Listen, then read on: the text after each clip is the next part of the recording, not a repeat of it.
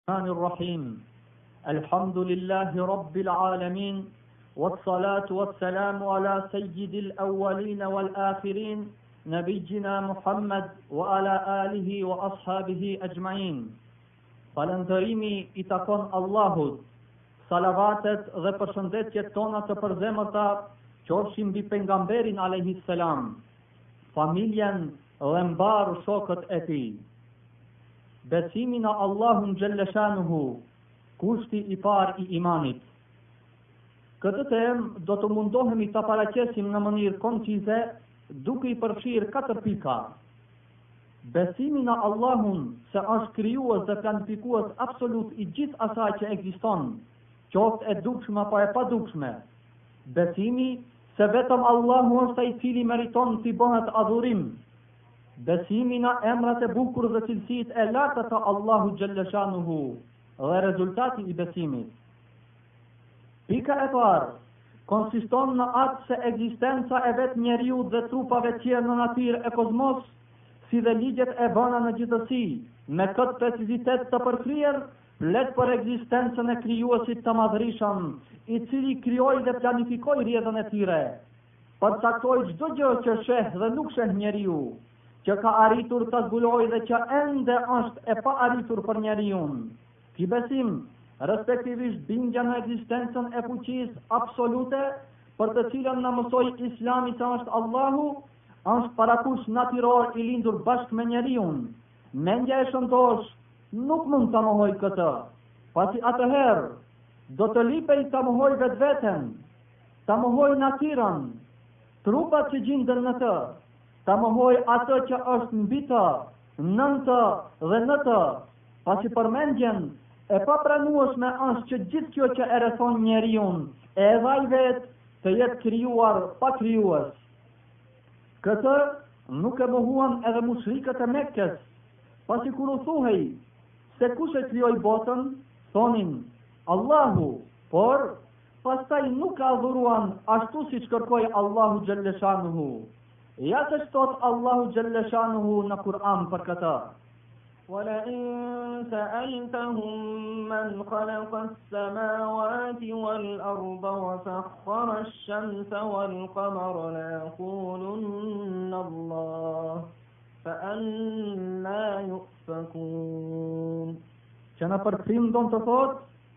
Nëse ti i pyet ata, Kush i krijoi qiejt e tokën?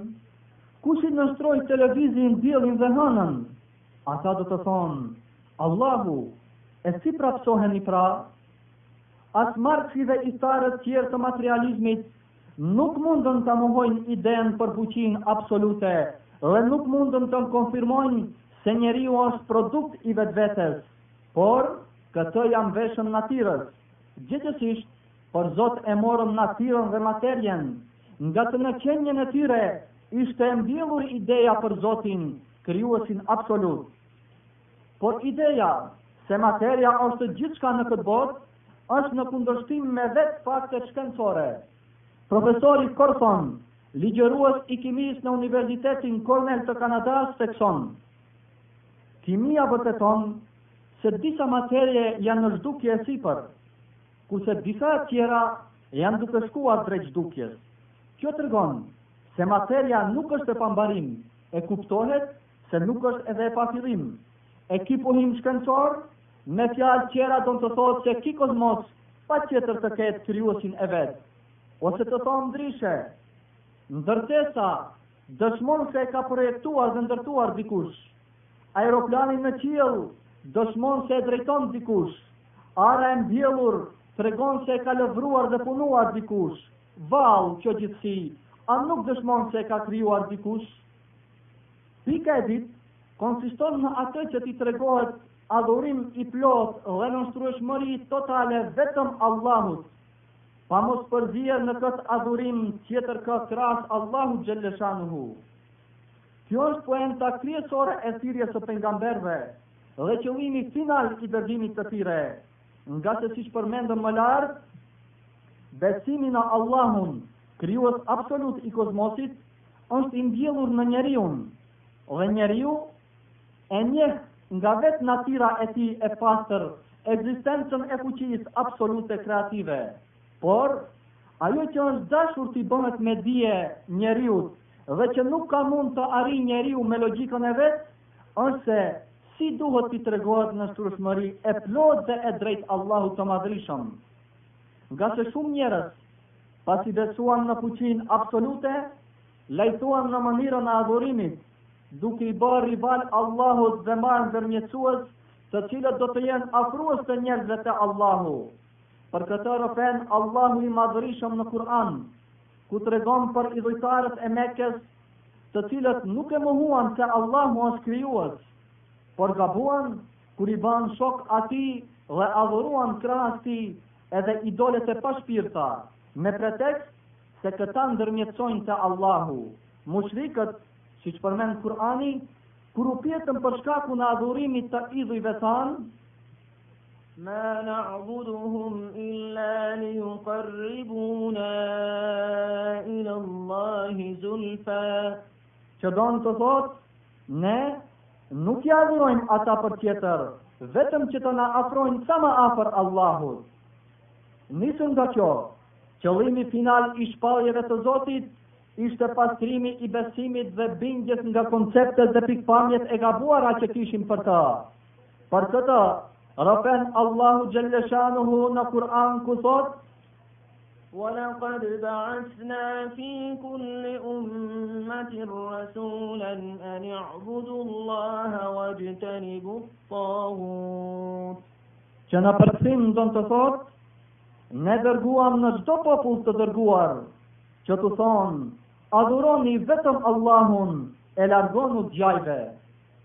Për atë, besimtar i vërtetë në Allahun xhelleshanuhu, është ai i cili vetëm atë e adhuron dhe vetëm prej tij ndihmë kërkon. Nuk inkuadron në lutjen e vet drejtuar Allahut të madhrishëm për ndihmë, shpëtim, shërim dhe nevoja tjera, asnjë tjetër pos Allahut të madh. Vetëm në të mbështetet plotësisht dhe shpreson sinqerisht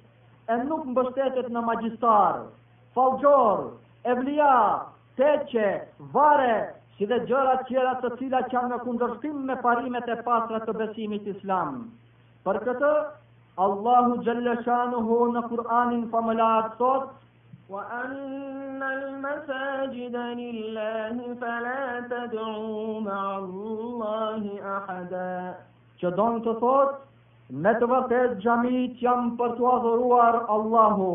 Pra, përpos Allahut, mos lut zot tjetër. Pika e tretë ka të bëjë me atë që të besojmë se Allahu xhalleshanuhu ka cilësi të larta dhe emra të bukura. Ashtu siç na ka treguar ai vetë për këto në Kur'an, apo siç na ka lajmëruar për to Pejgamberi alejhi selam në hadithet e tij, pa mos bërë ndryshimin e kuptimeve të tyre, pasi ai që e ka përshkruar veten e vet në Kur'an me këto, ai është më i ditur se ne për veten e vet. Muslimani në lutjet e tij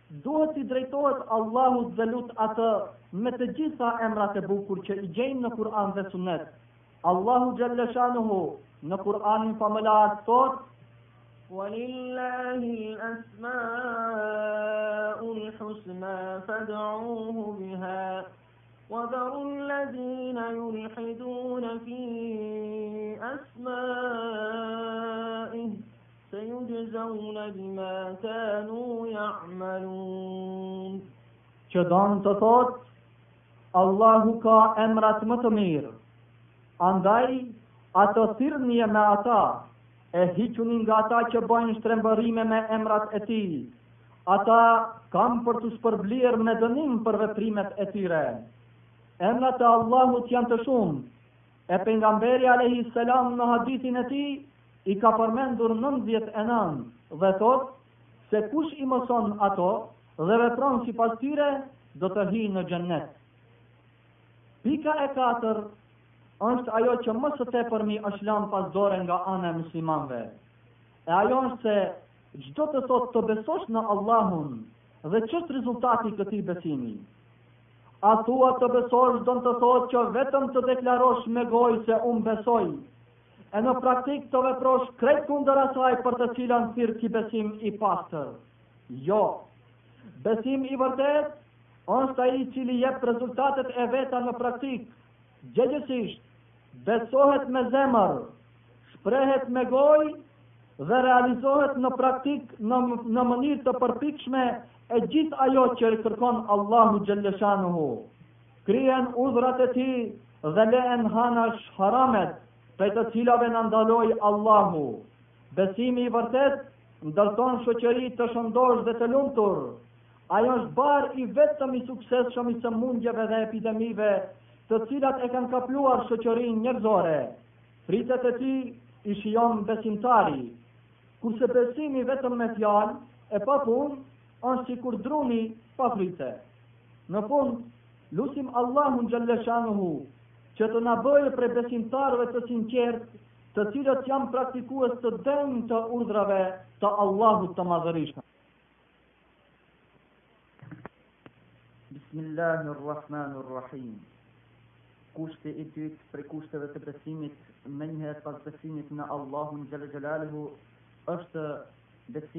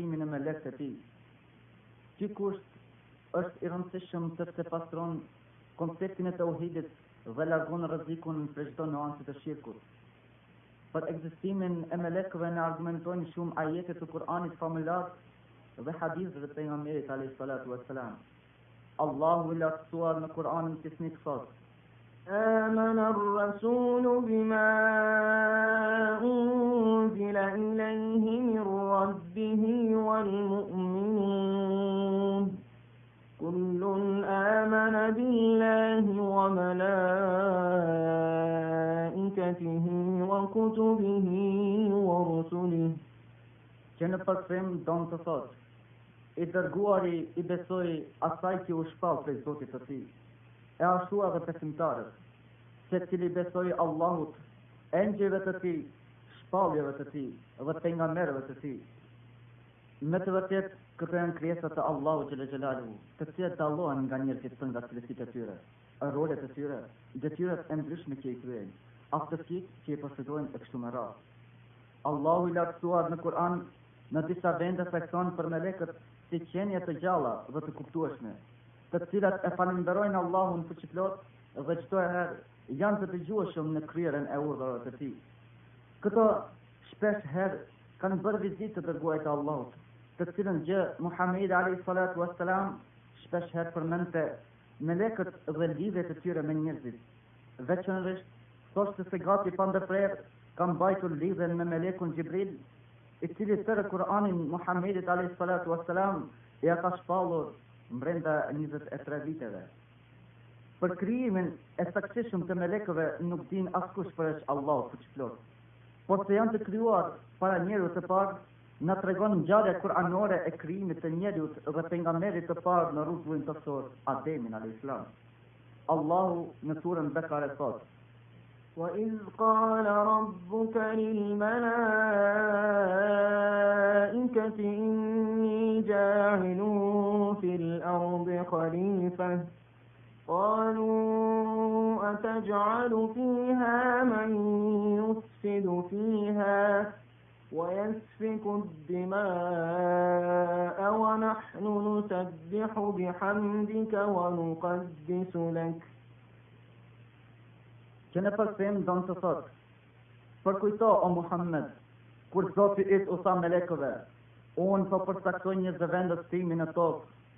e melekët thanë.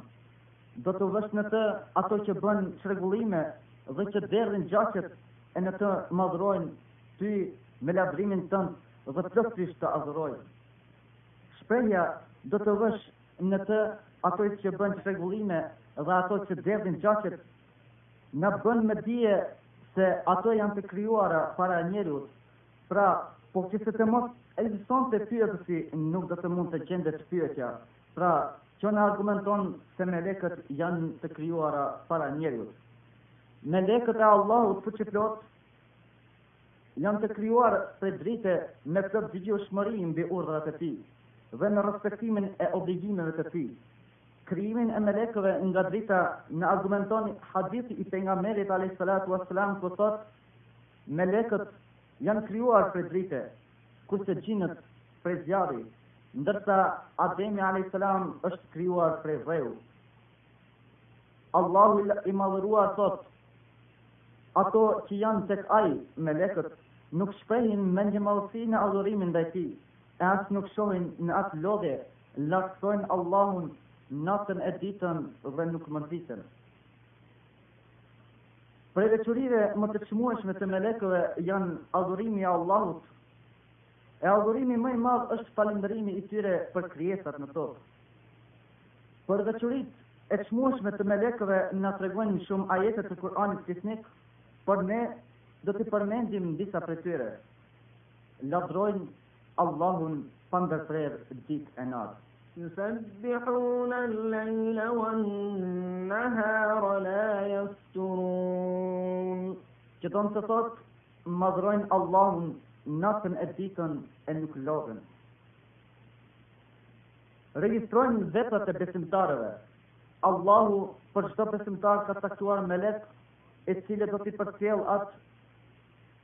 besimtarin gjatë tërë jetës së tij, thjesht thënë, janë shënues të veprave të besimtarë, të besimtarëve, qofshin ato vepra të mira apo të këqija. Këto quhen kiramen katibin, po edhe Munker dhe Nekir. Këto gjenden tek çdo besimtar, njëri në krahun e djathtë ai i punëve të mira dhe në krahun e majtë ai i punëve të këqija. Allahu fuqiplot në Kur'an thotë: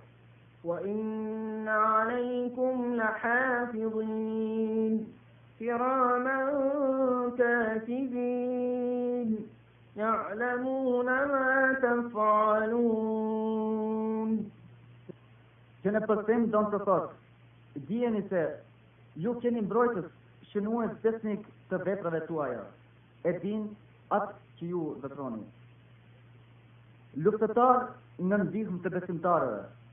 Më lart thamë se melekët janë qenie jo materiale të padukshme për syrin e njeriut, dhe janë në të njëjtën kohë luftëtarë në rrugë të Allahut, që i përgjigjen çdo besimtari në lutjet e tyre, që ju drejtohen Zotit.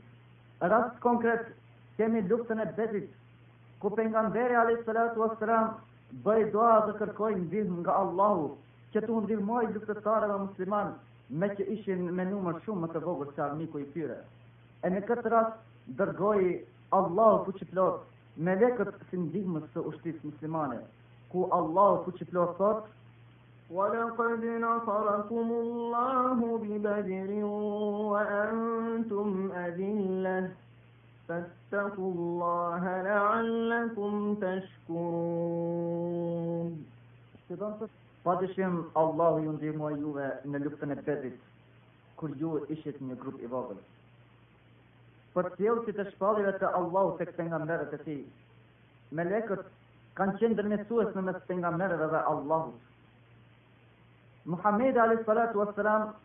Na ka ndaluar t'i adhurojmë melekët dhe t'u lutemi atyreve.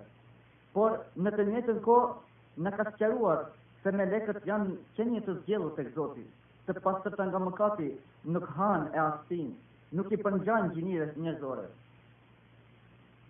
Gjë të cilën njeriu duhet kuptuar pa dyshim se këto janë qenie shpirtërore të padukshme, të cilat nuk janë të nevojshëm për dhuntitë e kësaj bote, por Ato janë gjithmonë në shërbim të Allahut Fuqiplot. Prej veçorive të melekëve është se ato nuk janë meshkuj e as femra. Idhujtarët e Mekës, të cilët shpifnin trillime se gjoja, melekët janë bijat e Zotit, se Zoti ka fëmijë, se mes Zotit dhe melekëve e xhineve ekziston një lloj lidhshmërie farefisnore, Zoti përmes Kur'anit sjell argument bindës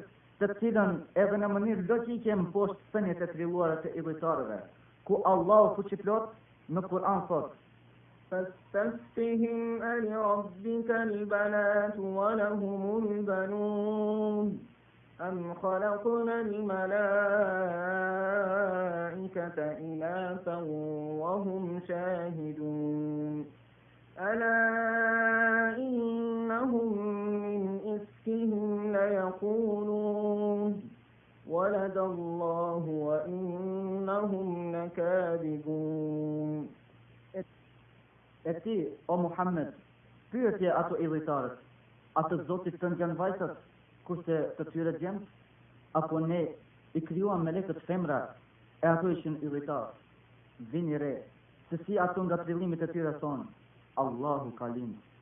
S'ka dyshim se ato janë gënjeshtarë, kur thonë se melekët janë bijat e Zotit. Se pari, ato thonin se melekët janë femra, e Zoti ju thotë se ju nuk ishit prezent kur unë krijova melekët. Andaj, ju nuk dini asgjë, vetëm shpifni, Ju shpifni edhe kur thoni se Zoti i vlerësoi më shumë vajzat se sa djemtë. E Zoti ju thotë, A mos keni ndonjë fakt për çka thoni? Sjellni librin e juaj dokumentues që po u mëson kështu. Pra, ata njerëz të cilët dëshmojnë këtë gjë me të vërtetë do të merren në pyetje pa dyshim. Disa njerëz që refuzojnë se kanë fuqi shpirtërore, se ato shprehin Fuqitë e mira të fshehura në krijesat, që është në kundërshtim me Kur'anin, me fjalët e Pejgamberit alejhi salatu ue selam dhe me pëlqimin e gjithë dijetarëve islamë. Allahu i Lartësuar thotë, i gjithë falënderimi i qoftë Allahut, krijuesit të qiejve dhe të tokës, krijuesit të melekëve, me nga dy palë, tri palë, katër palë, krahë. Dhe ai, Zoti thotë, Sikur t'i shohësh ti, o Muhammed, melekët kur ua marrin shpirtrat atyreve që mohuan, sesi u bien fytyrave dhe shpinave të tyre. Gjithashtu, Allahu i Lartësuar në Kur'an thotë, Sikur t'i shohësh ti, o Muhammed, kur mizorët janë në agoni të vdekjes, sesi i kanë shtrirë duart e tyre dhe u thonë, Nxjerrni shpirtrat tuaj të ndytë. Gjithashtu në një vend tjetër Allahu i madhëruar në Kur'an thotë: Melekët hyjnë tek banorët e xhenetit dhe u thonë: Assalamu alaikum, paqja, shpëtimi i Allahut qoftë mbi ju, për durimtarët që bëtë. Pra, përfundimi i lartësuar është ky vend. Në hadithin e vërtetë thuhet se pejgamberi alayhis salam ka thënë Ditën e premte, kur falet namazi i xhumasë, në çdo derë të xhamisë qëndrojnë melekët të cilët shkruajnë ato që hyjnë një mbas një. E kur të ulet imami për të mbajtur hutben apo fjalimin, melekët mbështjellin letrat e tyre dhe vijnë të dëgjojnë fjalimin. Këto tekste janë mjaft të qarta se melekët janë qenie e padukshme shpirtërore, E jo fuqi kuptimore siç thonë njerëzit e tjerë. Melekët janë krijesa të shumta dhe më të njohur të Allahut fuqiplot janë. Xhebraili, Mikaili, Meleku i vdekjes, Israfili, Kiramun Katibin, pastaj Munker dhe Nekir. Detyrat më kryesore të tyre janë Xhebraili, i zbriste nga Allahu fuqiplot shpalljet dhe ua transmetonte pejgamberëve të Allahut, thjesht thënë, ka qenë ndërmjetësues apo ambasadori i tij tek pejgamberët. Mikaili, Mikaili me melekët e tjerë bënte punë të caktuara të natyrës dhe ndryshimeve siç janë erërat, lëvizjet e reve, shiu, Bora, rritja e pemëve, bimëve, caktimi i gjelbërimeve, ngjyrave të ndryshme, madhësia, forma e fryteve e kështu me radhë. Meleku i vdekjes. Meleku i vdekjes i merr shpirtrat. Që do të thotë, në çastin e vdekjes bën ndarjen e trupit nga shpirti. Ai këtë e bën me ndihmën e melekëve të tjerë me urdhërin e Allahut fuqiplot. Israfili Israfili ka për detyrë t'i frijë dy herë surit në një drejtim. Kur të frijë herën e parë, të gjithë bota, gjallesat, do të vdesin, do të shkatërrohen, ndërsa kur të fryhet herën e dytë, të gjithë të vdekurit do të ngjallen, koha e ringjalljes. Kiramen Katibin, këto janë dy melekët të cilët përcjellin njerëzit gjatë tërë jetës dhe i shkruajnë veprat e tyre, qofshin të mira apo të këqija. Munkir dhe Nekir. Këta janë dy melek, të cilat do të e pyesin çdo person në varr, do të thotë jeta në varreza. Engjëjt që janë të obliguar për foshnjën në mitrën e nënës, kur fëmiu arrin katërmujoshin në embrion, Allahu urdhëron melekun të shkojë t'ia dhurojë shpirtin T'ia caktojë kohën se sa do të jetojë, formën, bukurinë e kështu me radhë. Aftësitë njerëzore e të perceptuarit të melekëve. Për të përgjigjur në këtë pyetje, duhet t'i sqarojmë pyetësit se ndjenjat janë rrugë të vetme për të njoftuar me ekzistimin e sendeve, janë dritare të vogla të kufizuara në sasi e cilësi për tyre. Kosmosi përmban panorama të llojllojshme, të cilat nuk mund t'i shohim me anë të syve për shkaqe objektive. Po ashtu është i përmbushur me zëra, valë të ndryshme, të cilat janë jashtë rangut të të dëgjuarit tonë, sidoqoftë, mund t'i dëgjojmë përmes aparateve elektronike të posaçme. Gjithashtu, mbrendësia e tokës është e përmbushur përplot pasuri minerale. Ndjenjat tona nuk mund t'i perceptojë dhe i karakterizojë përveç me aparate speciale. E në qoftë se ndjenjat tona janë të paafta të perceptimit të sendeve konkrete të vogla e të afërta të cilat na rrethojnë, vallë, a janë të afërta dhe të afta të kuptojnë gjëra që nuk i përkasin natyrës sonë, siç është krijimi i melekëve? Pra, njeriu duhet plotësisht të besojë në krijimin e sendeve duke u bazuar në gjurmët e tyre. Ndodh që ndjenjat tona, në shumicën e rasteve, nuk na ndihmojnë në hetimet e objekteve përmes prekjes ose nuhatjes. I njëjti rast është edhe me krijimin e melekëve. Ne nuk jemi të informuar për natyrën esenciale të melekëve. Na janë të përmendura vetëm disa atribute dhe cilësi të tyre, dhe prej neve lypet të besojmë në ekzistimin e tyre. Ne nuk kemi mënyrë tjetër të njohim natyrën e tyre, cilësitë dhe kualitetet e tyre. Ajo do të ishte marri e qartë Të përshkruajmë nga ana jonë çfarë do formë ose cilësi. Ne duhet besuar patjetër në to, ashtu siç kërkohet prej nesh. Të mohojmë ekzistimin e tyre është kufër, sepse së pari nuk kemi shkas për atë mohim, dhe së dyti, mospranimi ynë për të besuar do të ishte njëjtë si edhe t'i përshkruajmë rrenë.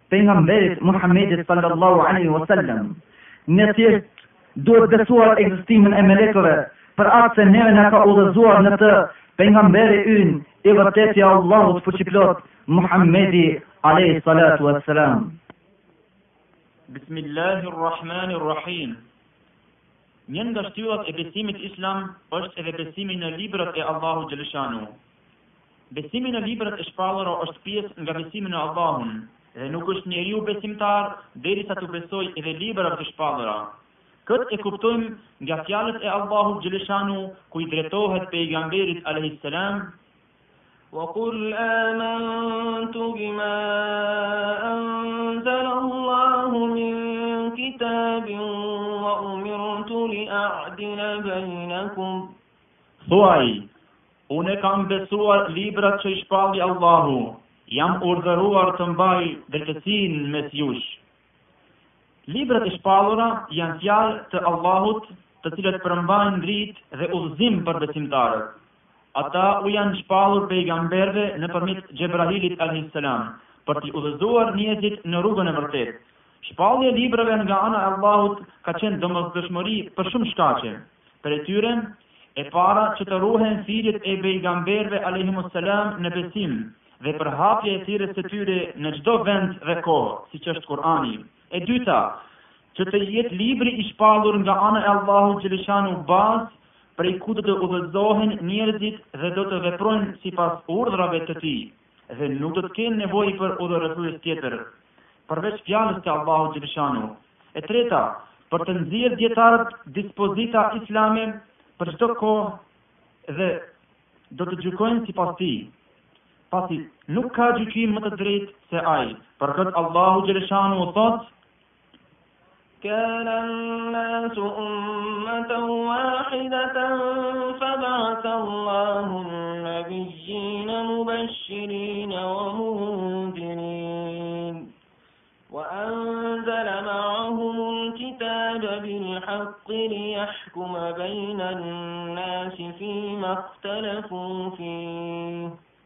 Njerëzit ishin një popull, Allahu dërgoi pejgamberë, përgëzues dhe qortues, dhe atyre Ai u zbriti edhe librin me fakte të sakta për të gjykuar për atë që u kundërshtuan ndërmjet veti. Librat e shpallura nga ana e Allahut xheleshanu janë Teurati, Zeburi, Inxhili dhe Kur'ani.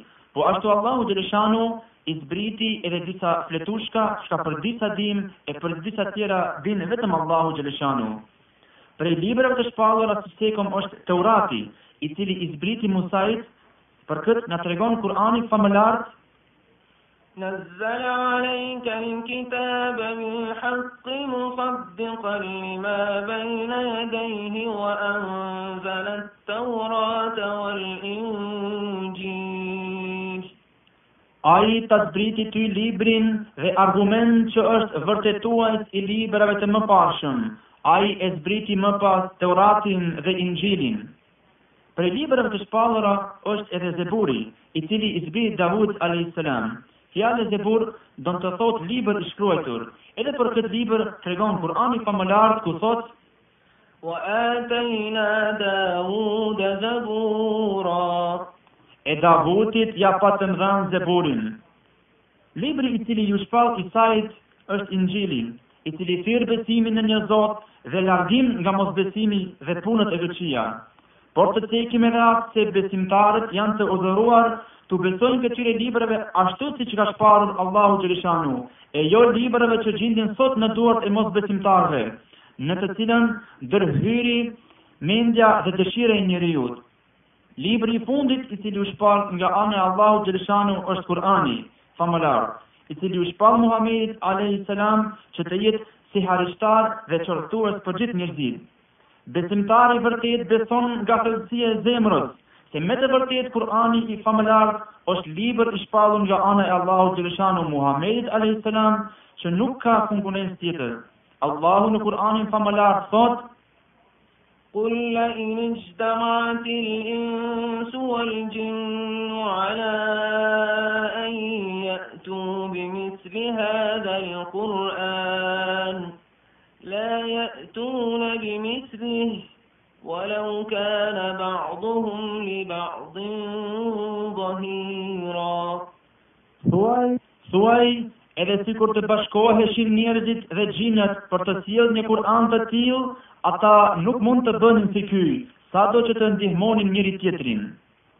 Çdo njeri duhet ta dijë se Kur'ani nuk është libër i ndonjë popull apo shoqërie të veçantë, por është për gjithë popullin dhe shoqëritë, gjegjësisht për gjithë njerëzimin. Ai i cili ia kthen shpinën Kur'anit edhe nuk e beson atë, ka gabuar dhe ka ra nën influencën e injorancës dhe ka humbur dritën e zemrës, siç thotë edhe Kur'ani famëlartë,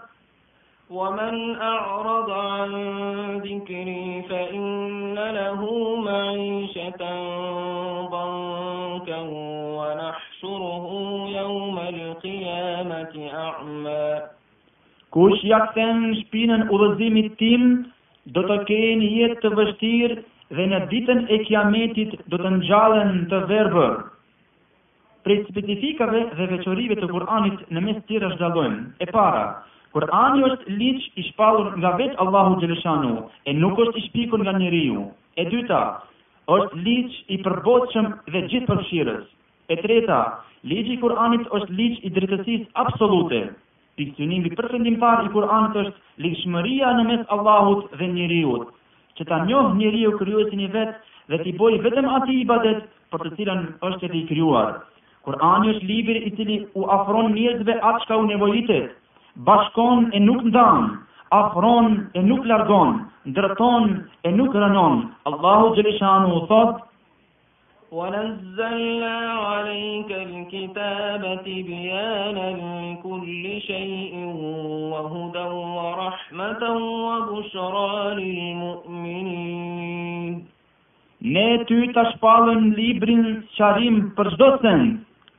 Udhëzim e mëshirë dhe myzhde për besimtarët. Kur'ani famëlartë jetëson drejtësinë absolute në mes njerëzve, vëllazërimin dhe sinqeritetin, mbrojtjen e gjakut të tyre, ruajtjen e nderit dhe pasurisë dhe lirisë të menduarit. Kur'ani famëlartë nuk njeh racizëm. Fanatizëm e as lokalizëm nuk bën klasifikimin njerëzish, por të gjithë njerëzit janë të barabartë. Nuk ka dallim arabi nga jo arabi e as i ziu nga i bardhi. Kur'ani synon konformimin e personalitetit të individit, përshkruan rregullat kryesore për jetën shoqërore, tregtinë, martesën, haxhin, ligjet ndëshkuese, ligjet ndërkombëtare etj. Gjuha dhe stili i Kur'anit janë të jashtëzakonshëm dhe të denja origjinës së saj hyjnore. Kur'ani famëlartë dallohet nga librat e tjera të shpallura në atë se nuk është për një popull ose vend siç është rasti me librat e tjera, por është për gjithë njerëzit dhe për çdo kohë. Po ashtu Kur'ani famëlartë është i ruajtur nga vetë Allahu xheleshanuhu deri në ditën e Kiametit, ku nuk mund të ndërhyjë mendja apo dëshira e njeriut. Në fund, e ngremë zërin dhe deklarojmë, se kush devijon nga porosia e Kur'anit, humb rrugën e vërtetë, dështon dhe bëhet nga të humburit. E lusim Allahun xheleshanuhu që Kur'ani të jetë kushtetuta jonë, sistemi dhe rruga për të fituar fuqinë, famën dhe ngandimin në këtë botë dhe xhennetin në botën tjetër. Falënderimi dhe lavdërimi i takon krijuesit të plotfuqishëm, i cili krijoi gjithçka. Krijoi njeriun si krijesë më të përsosur. Lartësimi dhe adhurimi i takon vetëm Allahu xheleshanuhu, i cili frymëzoi një grup njerëzish të zgjedhur, i përsosi me cilësitë njerëzore e me moral të lartë për me i transmetuar ligjet e Allahut në rruzullin tokësor. Nëse Allahu i Plotëdijshëm nuk do t'i dërgonte këto paralajmërues për me ua tërhekur vërejtën njerëzve, do të përdornin njerëzit Ditën e Gjykimit argument mbrojtës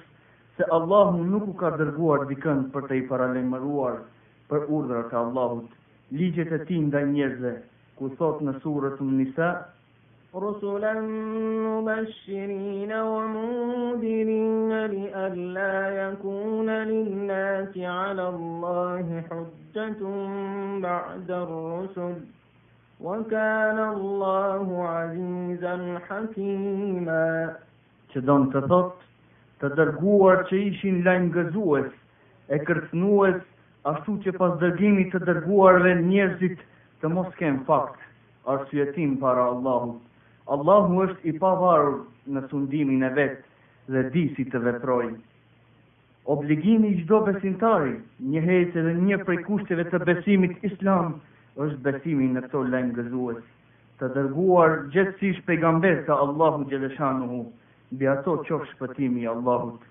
Njëherit duhet besuar edhe atë çka i është zbritur atyre, e urdhëron Allahu xheleshanuhu Muhammedin alejhi salatu ua sellem, njëherit na urdhëron edhe ne me atë ku thotë,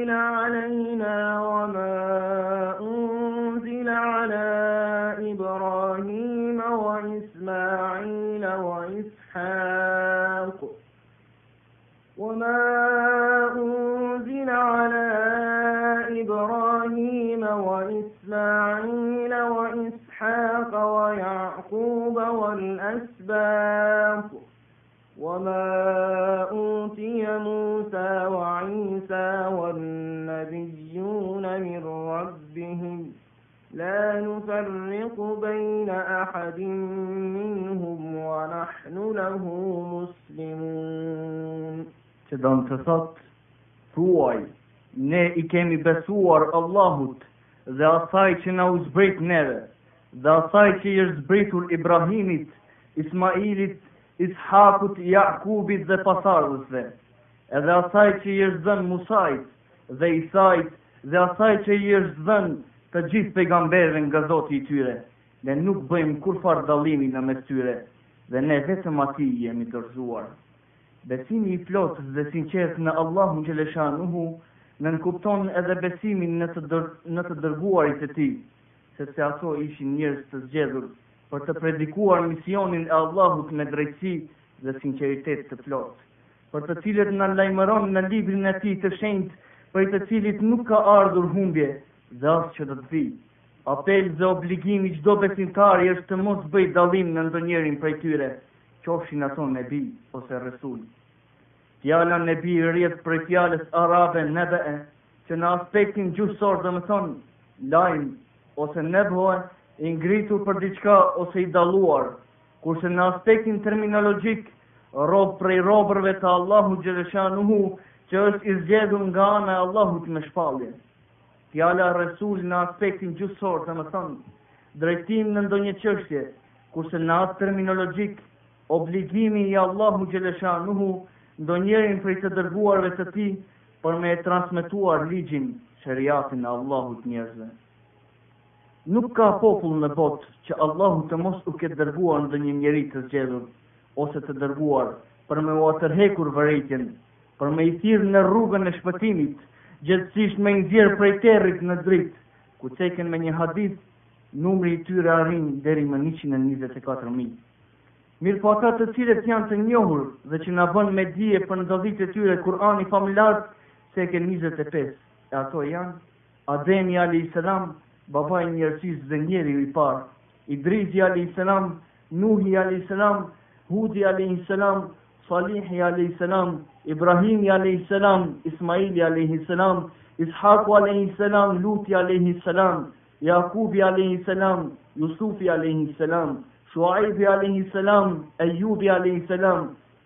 Dhul-Kifli alejhi selam, Musai alejhi selam e vllau i tij Haruni alejhi selam, Davudi alejhi selam, Sulejmani alejhi selam, Iljasi alejhi selam, Eljesa alejhi selam, Junusi alejhi selam, Zekeria alejhi selam e djali i tij Jahja alejhi selam, Isai alejhi selam dhe vula e pejgamberisë i dërguar për mbarë botën Muhamedi alejhi selam.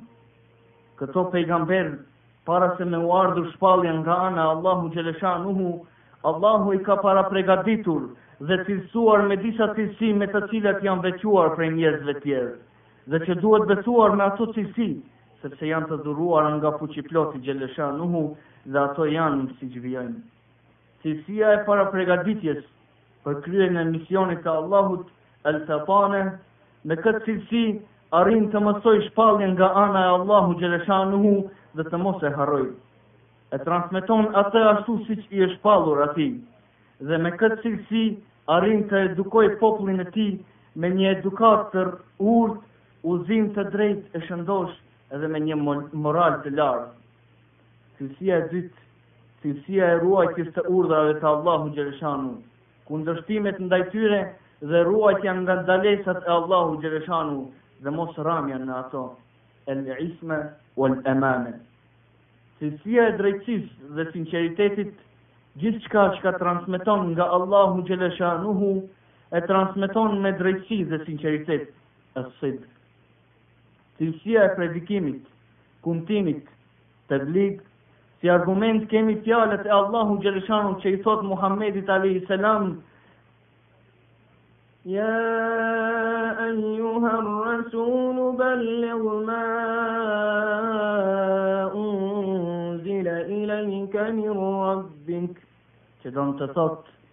O ti i dërguar, transmeto, kumto atë që të është zbritur prej Zotit tënd.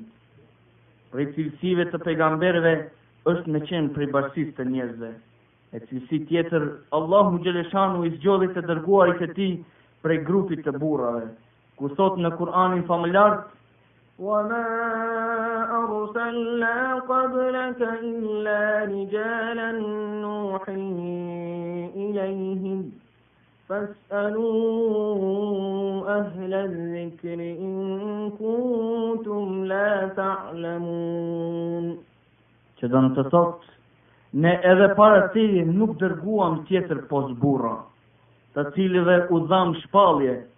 E nëse nuk e dini, pyetni njerëzit e dijshëm. Ndër këto cilësi të lartcekura, më me veçanti duhet cekur edhe për mrekullitë të cilat Allahu xhelleshanuhu ua dhuronte të dërguarve të Tij. Çdo popull në të cilët Allahu ka dërguar pejgamber, kanë kërkuar prej tyre që të vijnë me ndonjë argument nga Zoti i tyre. Argumenti iu ka ardhur atyre në formë të mrekullisë, mu'xhizës. Për këtë na dëshmon fjala e pejgamberit alejhi selam ku thotë nuk ka asnjë i dërguar që nuk ka ardhur me ndonjë mrekulli nga Zoti për me i besuar njerëzit në atë që ka thirrë. Kurse ajo çka më është zbritur mua si mrekulli është shpallja. Vlen të cekim edhe fjalët si janë drejtuar pejgamberët popujve të tyre që na bën me dije Allahu xhelleshanuhu ku thotë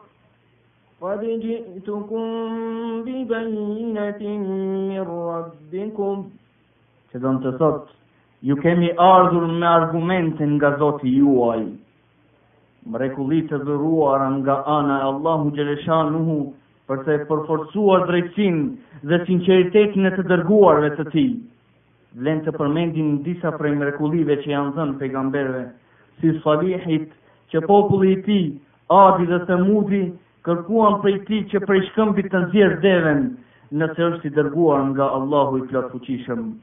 Ua plotësoi atyre dëshirën dhe i këshilloi që të mos e vrasin. Së një vlen të përshë. Rastin për të cilin na rrëfen edhe vetë Allahu xhelleshanuhu në Kur'anin famëlartë, kur Xhafer ibn Ebi Talibi lexoi Kur'an para Nexhashiut, parisë, kish priftërinj, së shpejti frika kaploi zemrat e tyre, dhe sytë filluan të lotojnë. Pas këtij rasti Nexhashiu dërgoi 70 prej dijetarëve krishterë te pejgamberi alejhi selam e iu lexoi atyre suretu Jasin.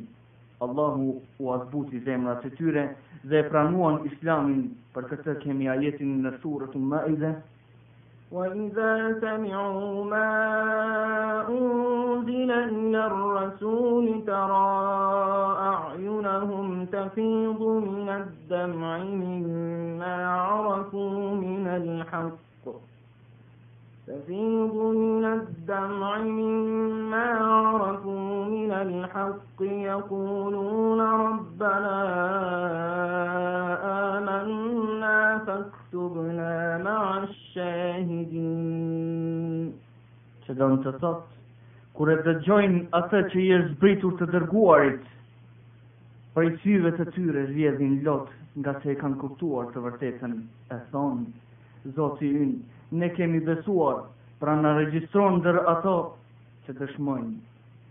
Me gjithë këto, Kur'ani famëlartë na bën me dije disa pejgamberë kanë qenë të ngritur ose të dalluar te Allahu xheleshanuhu, sipas thirrjes së tyre në shkallë, prej tyre kanë qenë ulul azmi, të vendosurit të cilët e morën përgjegjësi mbi veti për të kryer misionin e transmetimit,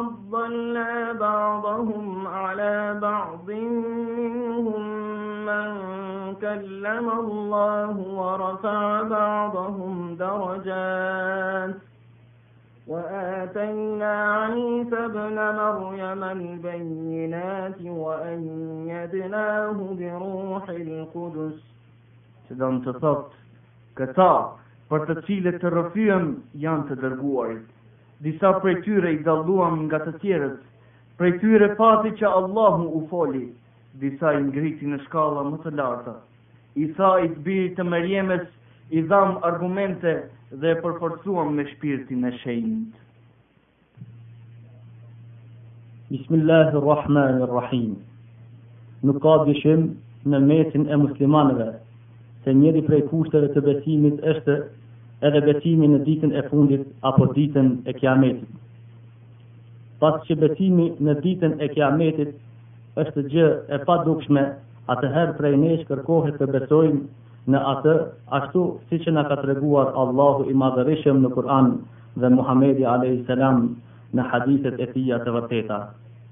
Ngase këto janë gjëra të cilat do të ndodhin pas vdekjes sonë, të besohet në Ditën e Gjykimit është obligim për çdo musliman.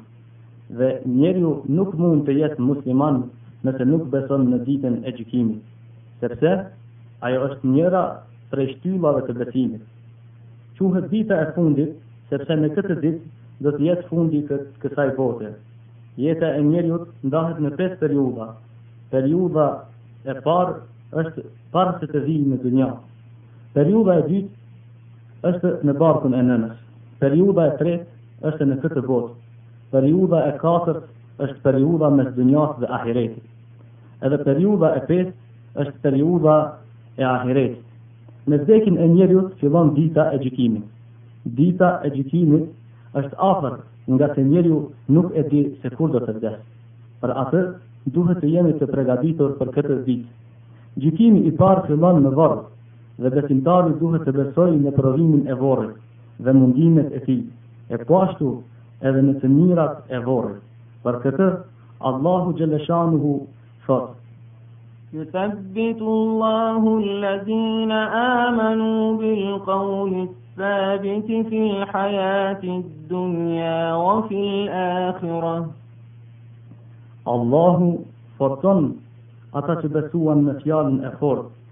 në jetën e kësaj bote dhe në botën tjetër.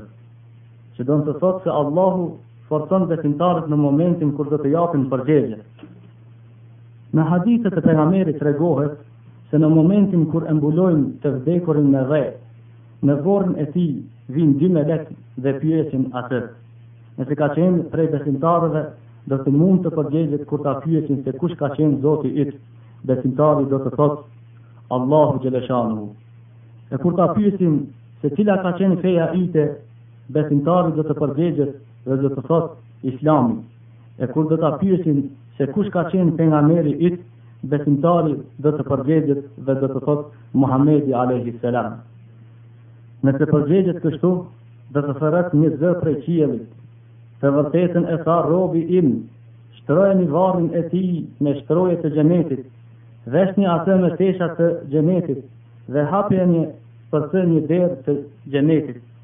Ndërsa mosbesimtari kur do të pyetet për këtë pyetje, do të thotë: "Ah, ah, nuk e di. I kam pas dëgjuar njerëzit duke thënë diçka dhe kam thënë sikur ata, nuk do të di të përgjegjet, pasi në dunja nuk ka besuar dhe nuk ka punuar sipas parimeve islame." Ai i cili nuk do të dijë të përgjegjet, do të dënohet. Në hadithe thuhet se bërtitmën e tij gjatë dënimit në varr do ta dëgjojnë të gjitha krijesat, me përjashtim të njerëzve dhe xhineve. E pas këtij provimi, ose fillon begatia e tij nëse ka qenë besimtar, ose dënimi i tij nëse nuk ka qenë besimtar. Kjo begati ose dënim do të vazhdojë derisa të vijë Kiameti i Përgjithshëm. Në atë ditë do të ngrihen njerëzit prej varreve dhe do të dalin para Allahut të japin llogari. Në atë ditë puna e parë që do të bëhet është bashkimi i trupit me shpirtin. Mosbesimtarëve kjo gjë iu dukej e pamundshme, për atë kanë debatuar me pejgamberin a.s.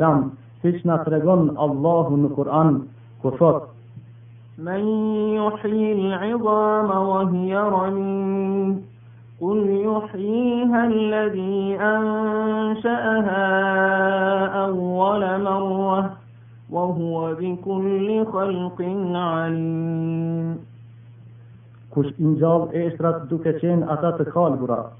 Thuaj, I ngjall Ai i Cili ka krijuar për herë të parë, e Ai është i dijshëm për çdo krijim.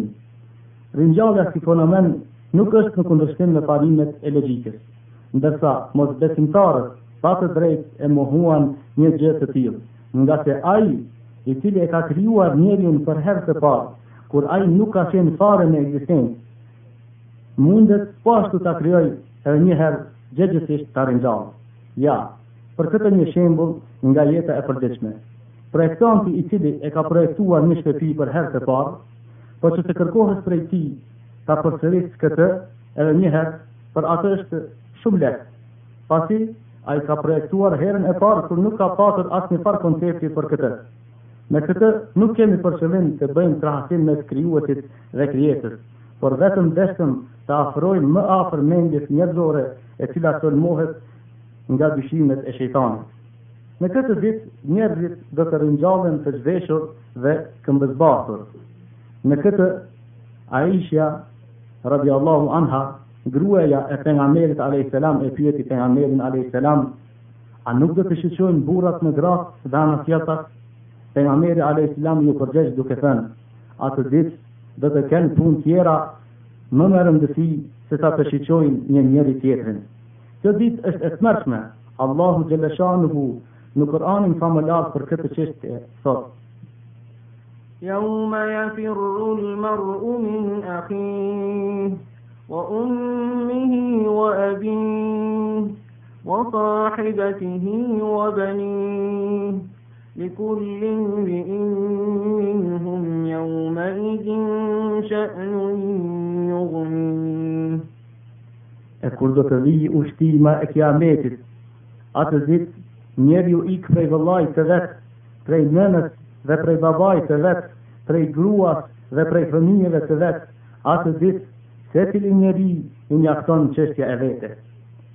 Puna e tretë që do të bëhet në këtë ditë është se dielli do të afrohet mbi kokat e njerëzve dhe atë do të qëndrojë kështu deri sa të pastrohen llogaritë e njerëzve.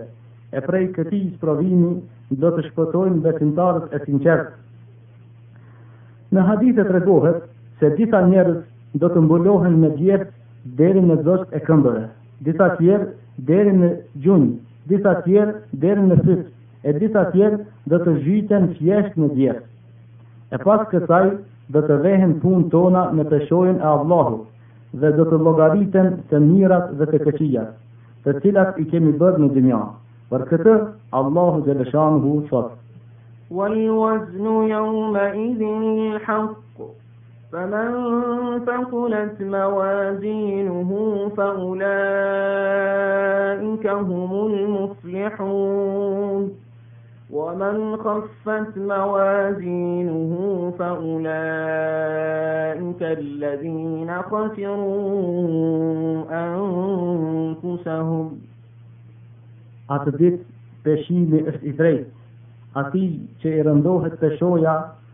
Ata janë të shpëtuar, e kujt i vijnë lehtë peshojat, ata e humbën vetveten.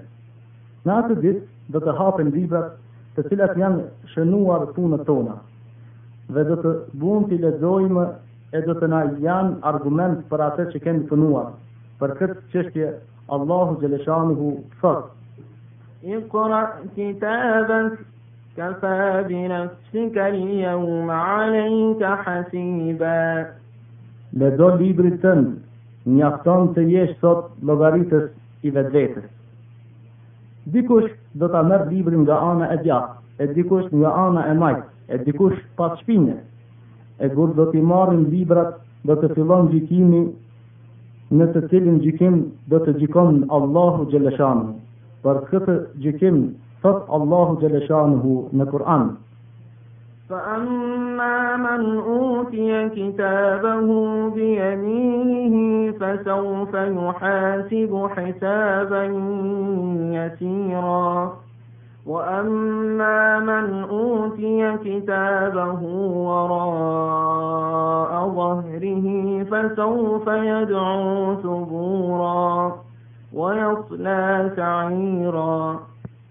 E për sa i përket atij që libri i jepet nga ana e djathtë, ai do të llogaritet me një llogari të lehtë, e për sa i përket atij që libri i jepet pas shpine, ai do t'i ndjellë vehtes shkatërrim dhe do të hyjë në zjarr të ndezur fort.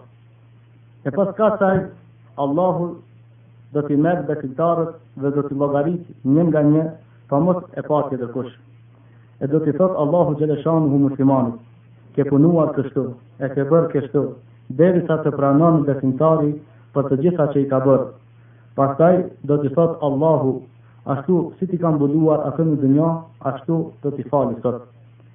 Kjo ka të bëjë me besimtarin, kurse mosbesimtari nuk do të vihet në peshojën e punëve të mira, pasi që ai nuk ka punuar për këtë gjë. Por atyre Do të numrohen punët e këqija që i kanë bërë dhe do të jenë të brengosur. Tregohet në hadithet se llogaria e mosbesimtarëve dhe munafikëve do të jetë para gjithë krijesave dhe do të përgjegjen për punët që i kanë bërë. Ata janë të cilët e kanë përgënjeshtruar Allahun xheleshanuhu dhe atë ditë do të jenë të mallkuar. Prej punëve të cilat do të ndodhin në Ditën e Kiametit është edhe ajo se pas llogarisë muslimanët do të pinë ujë prej një burimi i cili është dhënë Muhamedit alayhis salam. Ky burim është i krijuar dhe tash dhe në të derdhen dy degë të Keutherit. Në këtë burim do të pinë ujë besimtarët para se të kalojnë urën e Siratit. Kurse jobesimtarët nuk do të mund të pinë prej këtij burimi. Uji i këtij burimi do të jetë më i bardhë se tëmbli, më i ëmbël se mjalti, e me erë më të mirë se misku. Kush pin prej këtij burimi nuk do të etësohet pastaj kurrë. Prej gjërave të cilat do të ndodhin në këtë ditë është edhe kalimi nëpër urë të Siratit. Në këtë urë njerëzit do të kalojnë sipas punëve të tyre. Disa do të kalojnë sa çel e mshel sytë, disa tjerë si vetëtima, disa tjerë me shpejtësi të kuajve, disa tjerë duke vrapuar, disa duke ecur e disa tjerë duke u zvarritur dhe pastaj do të hudhen në xhehenem. Ai i cili e kalon këtë urë do të hyjë në xhenet. I pari i cili do të hyjë në Xhenet është Muhamedi alejhi selam. E prej ummeteve, i pari i cili do të hyjë në Xhenet është ummeti i tij. Duhet ta dijmë se Xheneti i ka tetë dyer dhe secili musliman do të hyjë nëpër atë derë për të cilën ka punuar më së shumti. Prej punëve të cilat do të ndodhin në ditën e gjykimit është edhe shefati, ndërmjetësimi i Muhamedit alayhis salam. Ndërmjetësimi i tij do të jetë në tre etapa. Ndërmjetësimi i parë do të jetë për të gjithë njerëzit, në të cilin ndërmjetësim do të lutet për të gjykuar Allahu mes njerëzve. Ndërmjetësimi i dytë do të jetë atëherë kur do t'i lutet Allahu xhaleshanuhu për banorët e xhenetit që të hyjnë në xhenet, kurse ndërmjetësimi i tretë do të jetë atëherë kur do t'i lutet Allahu xhaleshanuhu për t'i falë ata besimtarë të cilët janë në xhehenem, dhe t'ua falë atyre të cilët e kanë merituar xhehenemin që mos të hyjnë në të. Pasi të kryhet shefati i pejgamberit alayhis salam, i njerëzve të mirë, i dëshmorëve apo shehidave dhe shefati i melekëve, atëherë do të nxjerr Allahu popull prej xhehenemit pa mos ndërmjetësuar askush. Gjegjësisht, atë do ta bën Allahu xhaleshanuhu prej rahmetit të tij. Ata të cilët I mëshiron Allahu do të hyjnë në Xhenet, i cili është i gjerë sa toka dhe qielli, të cilin e ka përgatitur Allahu xhaleshanuhu për besimtarët, e dhe i cili do të jetë i përhershëm. Po ashtu Allahu xhaleshanuhu e ka krijuar edhe Xhehenemin për mosbesimtarët, i cili do të jetë i përhershëm dhe nuk do të dalin prej tij kurrë.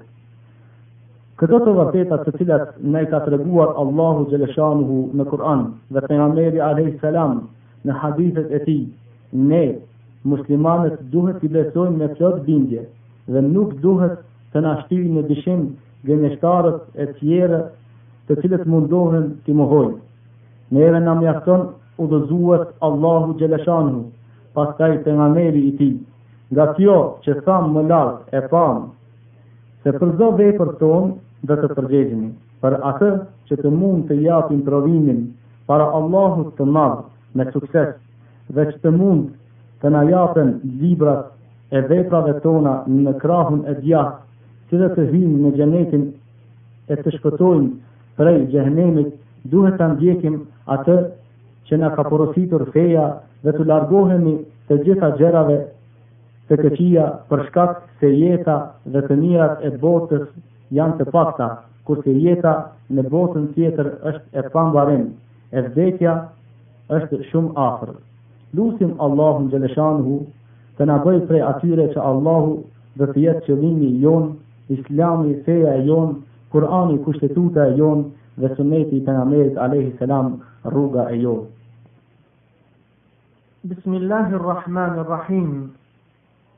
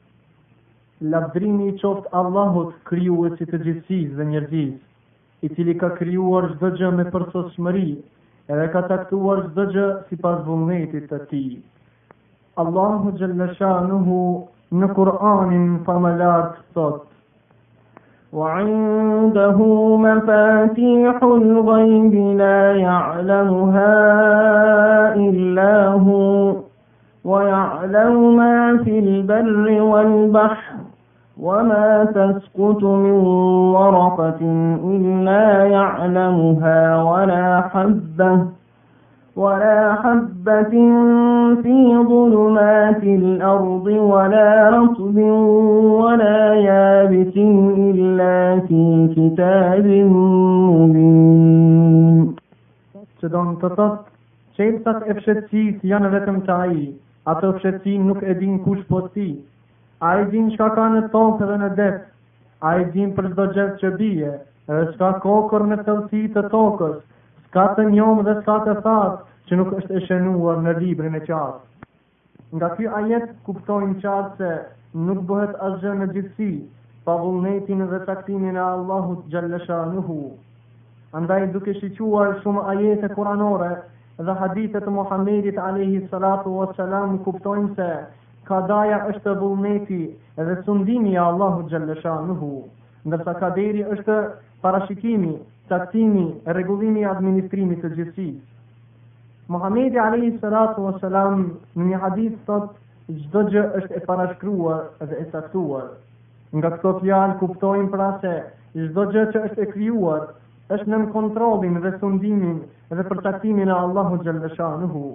Një shembull, është shumë e pranuar dhe e logjikshme se me të vërtetë inxhinieri që ka shpikur një makinë e din fare mirë për pjesët përbërëse të asaj makine dhe se çfarë fuqie kanë ose thjesht aeroplanin të cilën e kanë ndërtuar e lëshon vetëm pa pilot në atmosfera të larta në qiell dhe në shumtën e rasteve janë në gjendje ta dinë se kur mund të arrijë dhe në çfarë vendi dhe në çfarë pozite mund të arrijë Dhe rrallë herë gabojnë në paragjykimet apo parashikimet e tyre.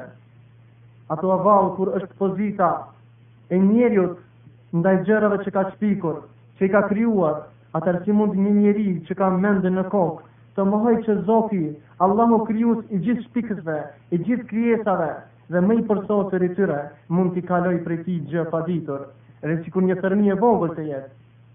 Është fakt i pamohuar nga të gjithë se dituria e njeriut është e kufizuar dhe e caktuar, ndërsa ajo e Allahut është e papërcaktuar dhe e pakufizuar, përfshin çdo gjë.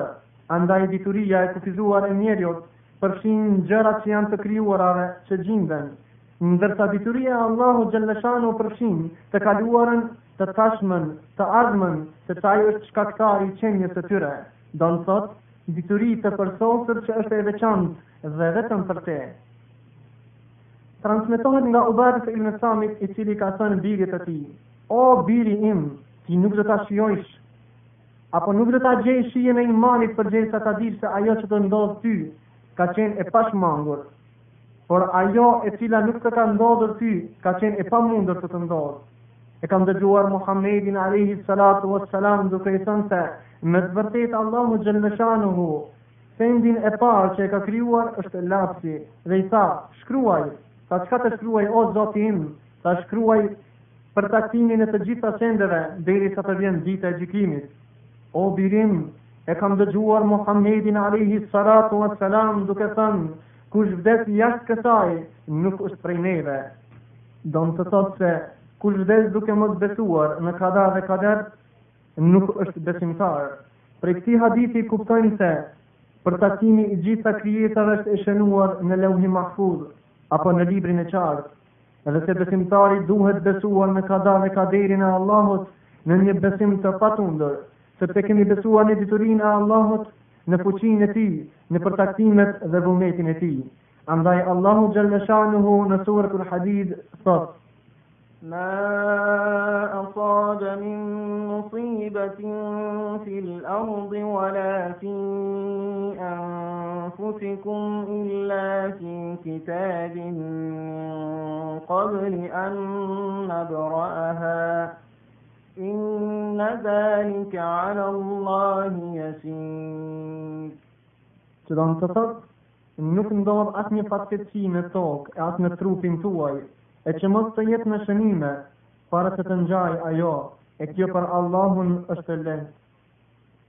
Është pyetur Aliu radijallahu anhu për kada dhe kaderin, ka thënë, është oqean i thellë, mos u zhyt në të.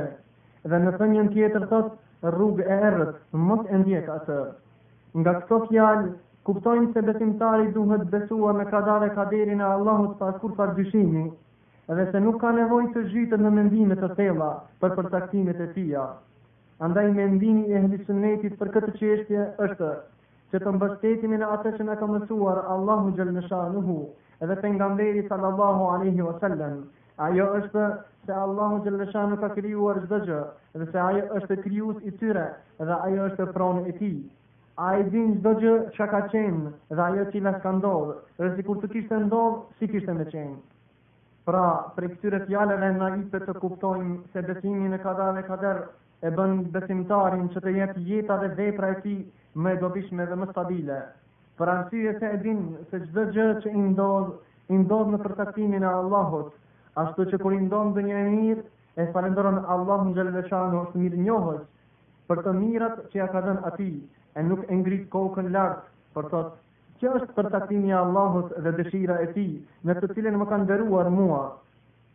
Kur'ani, Libri i Shenjtë, na tregon një shembull për Karunin, i cili jetoi në kohën e Musait alejhi selam, dhe Zoti i dha pasuri të madhe, dhe disa e këshilluan atë që mos të bëhej mendjemadh, por t'i ndihmojë të varfërve, me që ky ta fitojë botën e ahiretit apo botën e amshuar, do të thotë të bëjë mirë, sikur i dha Zoti pasuri të madhe atij, dhe ai iu përgjegj se atë pasuri që e kishte fituar, e kishte fituar me dituri dhe zotësi, harroi i ngrati se Allahu xhelle shanuhu kishte shkatërruar shumë njerëz sikur ai më parë, edhe se një ditë do ta përpijë toka atë me gjithë pasurinë e tij, siç edhe e përpiu, e kjo ishte një sprovë nga ana e Allahut xhelle shanuhu. Nga ky shembull, na jepet të kuptojmë vëllezër besimtarë se karuni ka jetuar në kohën e Musait alejhi selam Shumë shekuj më parë, por nuk duhet harruar shumë karuna të shekullit njëzet që mendojnë se ata janë shumë të ditur dhe të zotë dhe të mençur dhe do të mbesin në këtë botë për çdo herë. Besimtarit të sinqertë kur i ndodh ndonjë fatkeqësi, nuk e humb shpresën dhe vetveten, por e din se ajo është përcaktimi i Allahut dhe thotë qaddar Allahu wa ma sha'a fa'al. Kjo është përcaktimi i Allahut, ai çka të don bën. E më pas thotë, Më ndihmo o Zot i Madh në fatkeqësinë time, dhe shndërroja atë në të mirat tua.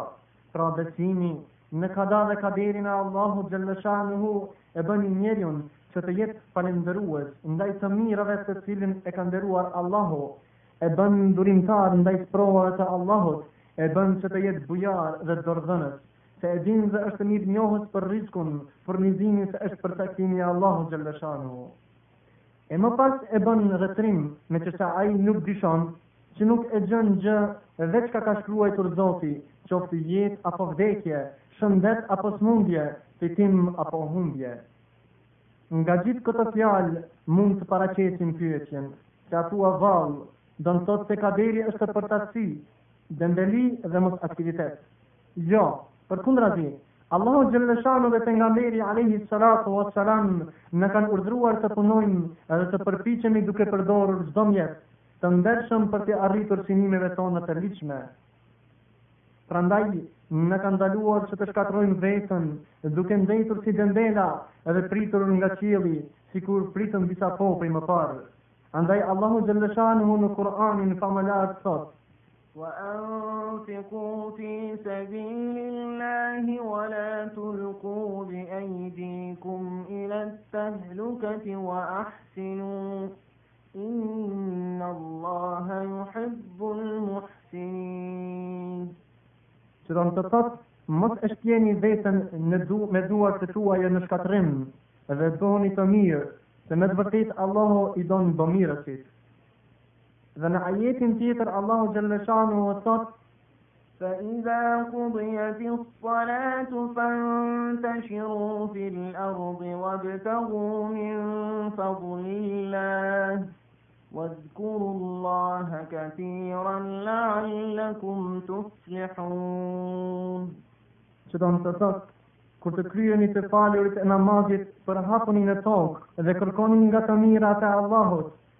Dhe përmendjeni Allahun në qoftë se doni të jeni të shpëtuar. Muhamedi alejhi salatu wa salam në një hadith thot, puno për çka është e mirë për ty dhe kërko ndihmën e Allahut për sukses. Edhe kur të prek ndonjë fatkeqësi, mos thuaj, po të kisha bërë kështu ose ashtu, nuk do të kishte ndodhur ajo. Por thuaj, kaderi i Allahut, çka të don ai bëhet. Se fjala sikur apo sikura don të thotë se po të kishte bërë ndryshe hap dyer për veprat e djallit të mallkuar. Pra, në fund mund të themi se besimi në kada dhe kader është prej të mirave, dhunti e madhe që na ka dhuruar Zoti sepse na qetëson nga vuajtjet, na lehtëson pësimet, na forcon durimin, na mbron nga egoizmi, urrejtja, hipokrizia dhe pesimizmi. Zoti na bëftë prej besimtarëve të sinqertë që besojnë në kada dhe kaderin e Allahut.